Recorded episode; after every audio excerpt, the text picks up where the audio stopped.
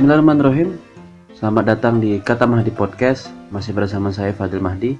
Kita masuk ke bagian yang ketiga, episode khusus bersama teman baca seorang jurnalis yaitu Kak Nisa. Di bagian yang ketiga ini Kak Nisa membahas tentang aktivitasnya setelah tidak lagi berada di media mainstream, tidak lagi berada di kantor berita, tapi tetap berkarya sebagai seorang jurnalis tetap berkarya untuk memproduksi konten-konten yang berpengaruh dan berdampak bagi banyak orang.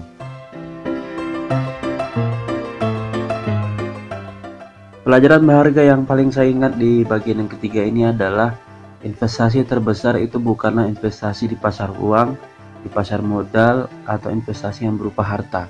Tapi investasi terbesar adalah ketika kita mentransfer ilmu kita kepada orang lain dan orang lain itu berdampak dan bermanfaat bagi banyak orang. Atau bahasa kerennya atau bahasa dipakai oleh Kak Nisa di bagian ketiga ini adalah investasi ke tim.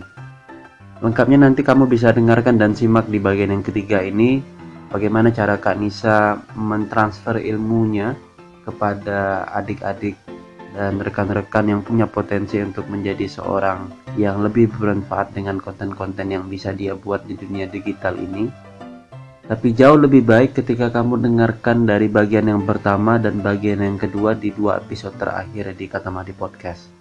Kalau kamu sedang mendengarkan lewat aplikasi Spotify, silahkan cari di dua episode terakhir. Saya bicara tentang banyak hal dengan Kak Nisa di dua episode terakhir. Kalau episode ini bermanfaat, silahkan disebarkan kepada teman-temanmu karena bisa jadi mereka juga akan mendapatkan inspirasi dan bergerak untuk membuat konten-konten positif agar yang baik bisa lebih berisik ketimbang yang buruk yang selama ini sudah berisik di media sosial. Selamat mendengarkan.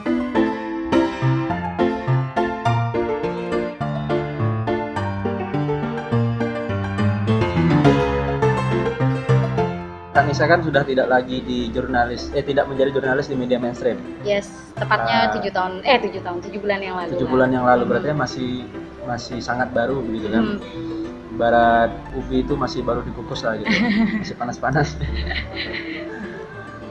Mengapa memutuskan untuk tidak lagi berkarir di media mainstream? Tidak berkarir di media mainstream iya, tapi saya akan terus berkarir di kompetensi yang saya punya dengan bekal-bekal uh, ilmu yang saya punya selama hampir 7-8 tahun ini. Kayak gitu sih. Jadi apa yang saya alami selama beberapa tahun belakangan itu yang jadi push paling kenceng untuk saya bisa berkarya di dunia kreatif dan bisnis saat ini. Bahkan dunia kreatif dan bisnis yang saya geluti saat ini itu kayak apa ya konsep pengembangan dari skill yang Nisa punya sih. Sebenarnya challenge-nya banyak, tapi itu tuh buah karya dari apa yang Nisa dapatkan selama jadi jurnalis. Kayak gitu. Alhamdulillahnya kita buat konsultan komunikasi di mana orang banyak buat yang namanya konsultan marketing, tapi Nisa spesifikasinya di komunikasi. Kita lebih ke konten, lebih ke creativity, marketing iya, tapi kita lebih ke brand communicationnya. Dan gitu. menggunakan tools-tools jurnalistik. Yes. Tools-tools jurnalistik itu yang kita gunain di setiap karya yang kita buat. Kenapa kita menstate kita konsultan? Karena konsultan itu kan konsel ya, konsuling. Kalau kita bukan tidak mendidik klien kita secara gini loh Pak tornya, gini loh sistem kerja teman-teman komunikasi, teman-teman jurnalistik bekerja gitu. Mereka yang harus kita pahamkan. Memang klien itu kan unik ya, macam-macam maunya tapi di sanalah tantangannya. Nah tools-tools itu yang selalu kita bawa setiap ketemu klien-klien baru. Kita edukasi mereka pelan-pelan meskipun susah ya tapi pelan-pelan kita educate mereka kalau kayak gini loh prosesnya. Nggak bisa abrakadabra. Mereka minta hari ini besok udah jadi. Minta hari ini bisa nggak sebulan jadi? Kayak gitu. Berarti singkat cerita sama kayak Najwa Sihab uh mhm. -huh. yang dia katanya sih habis kontrak dengan Metro TV. Mm-hmm. Tapi setelah keluar dari Metro TV kan Najwa Shihab mendirikan sebuah perusahaan yes. namanya Narasi kan. Mm-hmm. Dan Narasi itu perusahaan media. Yes. Dan salah satu produknya adalah Mata Najwa dan itu dijual ke Trans 7 mm-hmm. kan pintar gitu kan. Mm-hmm. Berarti kan Kak Nisa kalau saya ngelihat menginterpretasikan dengan cara pandang saya pribadi mm-hmm. langkah yang sudah sangat tepat sih Jadi tidak di media mainstream, Mhm.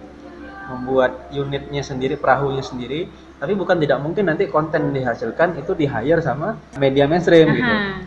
Sebenarnya kita udah buat Oh, di Surab masih skup Surabaya sih. Jadi Nisa nih sebenarnya komunitas itu dibuat karena tantangan-tantangan yang dihadapi saat perjalanan ngerjain karya-karya komunikasi, mulai dari buku, video, lalu poster, banner, bahkan macam-macam lah produk tu- turunan-turunan branding itu kan macam-macam. Di situ Nisa ngerasa kesusahan untuk nyari tim ataupun talent-talent terbaik di bidangnya. Proyek pertama Nisa harus impor dari Jakarta hmm. orang-orangnya. orang-orangnya teman-teman teman-teman jaringan lama di sana? ah, link-link lama Di kan Surabaya emang udah berapa bulan? saya udah tujuh bulan Baru tujuh bulan. baru tujuh bulan Wajar sih. Aha, akhirnya impor kan pendatang baru nih cerita kan pemain baru lalu tahap bulan kedua ngerasa bukan rugi sih kok eman kalau orang Surabaya itu bilang eman sayang Oh. effort yang dikeluarkan hasilnya cuma satu akhirnya Nisa memutuskan kayaknya aku harus pakai teman-teman di sini akhirnya kita kolaborasi sama XX jurnalis yang ada di Surabaya bahkan sampai di luar X Surabaya itu maksudnya mantan yang tidak. mantan Kalau X itu konotasinya agak negatif. pensiunan pensiunan Kalau pensiunnya nggak nggak berkarya lagi.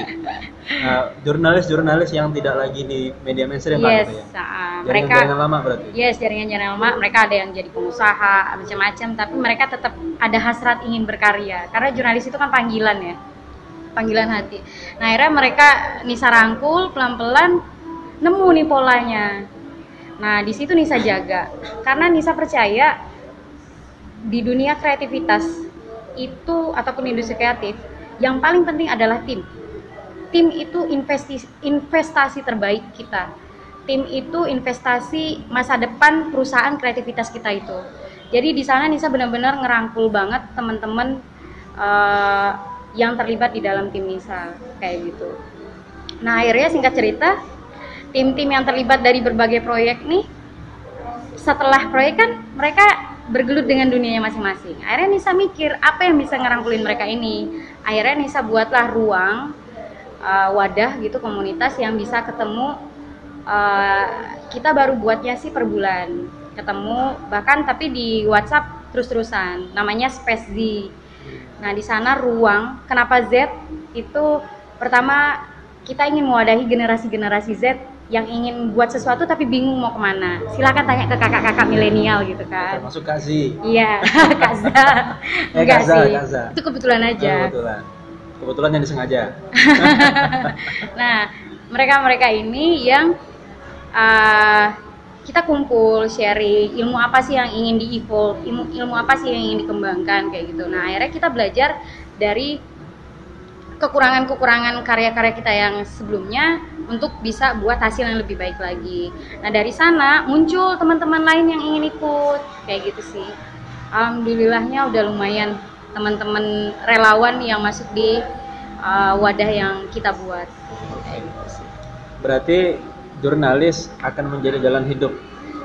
Maksudnya kerja-kerja jurnalistik tuh dibayar tidak dibayar eh, akan selalu menemani keseharian sepertinya. Sepertinya. Sepertinya ya. Bahkan saya kalau lagi di supermarket ada harga yang tidak sesuai dengan struk yang di label beda, Ah. itu skeptis, bukan skeptis sih, langsung kritis gitu. Heeh. Ini kenapa beda? It's not about value gitu. Hmm. Ini tentang gimana kalian tidak konsisten dengan harga yang kalian tawarkan. Sesimpel itu. Oh, Jadi keluarga Nisa tuh udah tahu ah tukang koran udah ngomong tuh agak tadi. Udah lah. pengangguran ya tukang apa tukang mencari kebenaran gitu ya. Em, baik Kak Nisa terima kasih banyak atas waktunya dan mudah-mudahan Space Z bisa juga di cloning di Pontianak ke depannya misalkan. Amin. kalau misalkan domisilinya nanti di Pontianak Amin. saya siap untuk dipanggil. Harapan dan cita-citanya harapan dan cita-cita begitu. Sebenarnya butuh sih uh, kolaborasi teman-teman Pontianak karena Nisa kan orang Pontianak kebetulan aja berkarya di luar Pontianak. Harapan Nisa kita bisa kolaborasi meskipun Nisa di luar sekarang kan udah ada Skype udah ada macam-macam kita bisa connect di mana pun doing something lah buat Pontianak that's why uh, ingin berbuat sesuatu sih buat teman-teman di sini Nah, itu dia bagian yang ketiga bersama Kak Nisa di episode teman baca. Episode di mana saya bertemu dengan orang-orang yang menginspirasi dan membawa dampak besar bagi hidup saya. Dan mudah-mudahan itu juga membawa dampak dan kontribusi besar bagi pengetahuan kamu.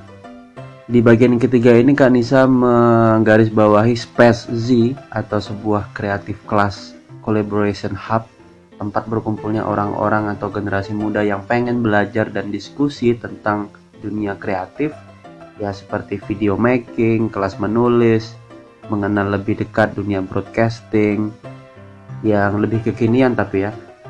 Jadi di situ kita bisa mengolah ide kreatif menjadi personal project yang bisa dijadikan sumber pendapatan. Nah, itu ada di Space Z dan lokasinya baru di Surabaya di mana tempat Kak Nisa berdomisili sekarang. Saya sangat menyarankan bagi kamu yang sekarang sedang berdomisili di Surabaya untuk ikut kelas PSZ bersama Kak Nisa dan rekan-rekan yang ada di sana. Mengapa? Karena ya investasi leher ke atas itu jauh lebih penting dan lebih bagus ketimbang investasi leher ke bawah investasi ke barang dan benda itu juga penting, tapi jauh lebih penting investasi dari leher ke atas. Mengapa? Karena itulah yang nanti akan menyelamatkan dan membuat hidup kita jauh lebih bermakna dan bisa memberikan dampak kepada orang-orang yang kita sayangi. Kamu bisa follow Instagram Spacez di @spacez.id atau kamu juga bisa follow akun Kak Anissa. Kak Anissa tadi juga bilang kalau dia sedang membuat sebuah rumah produksi untuk konten-konten kreatif, konten-konten digital yang Kak Nisa beri nama Z Production. Z Production ini isinya Kak Nisa dan beberapa rekan yang bergerak di dunia media dan sudah menggarap beberapa proyek yang cukup besar menurut saya dan bukan cukup besar sudah sangat besar ya karena salah satu kliennya adalah Wali Kota Surabaya Bu Tri Risma Harini Kanisa menulis sebuah buku tentang pengolahan sampah ala beliau yang diproduksi oleh Z Production dan ada beberapa serial video juga yang diproduksi untuk pemerintah kota Surabaya. Dan dengar-dengar juga dari Kak Nisa, Bank Jawa Timur juga menggunakan Z Production untuk memproduksi konten-konten yang mereka butuhkan. Jadi, bagi kamu yang sudah punya karya di dunia kreatif, sangat-sangat bisa berkolaborasi dengan Z Production hubungi saja Kak Nisa dan Kak Nisa nanti akan menghubungkan kepada perusahaan-perusahaan dan nanti akan dicocokkan dan akan menjadi sumber pendapatan juga buat kamu. Nah, itu dia episode terakhir dan menjadi bagian yang terakhir saya bersama Kak Nisa mengulas tentang dunia jurnalistik, mengulas tentang mengasuh generasi, mengulas tentang kekuatan komunitas, dan investasi leher ke atas dan banyak hal yang tadi sudah saya bicarakan bersama Kak Nisa. Terima kasih banyak Kak Nisa yang sudah bersedia untuk menjadi teman baca saya selama tiga bagian di tiga episode di Katamadi Podcast. Tiga episode terakhir ini didukung oleh Z Production, rumah produksi yang dibuat oleh Kak Nisa. Sampai ketemu di episode selanjutnya. Assalamualaikum warahmatullahi wabarakatuh.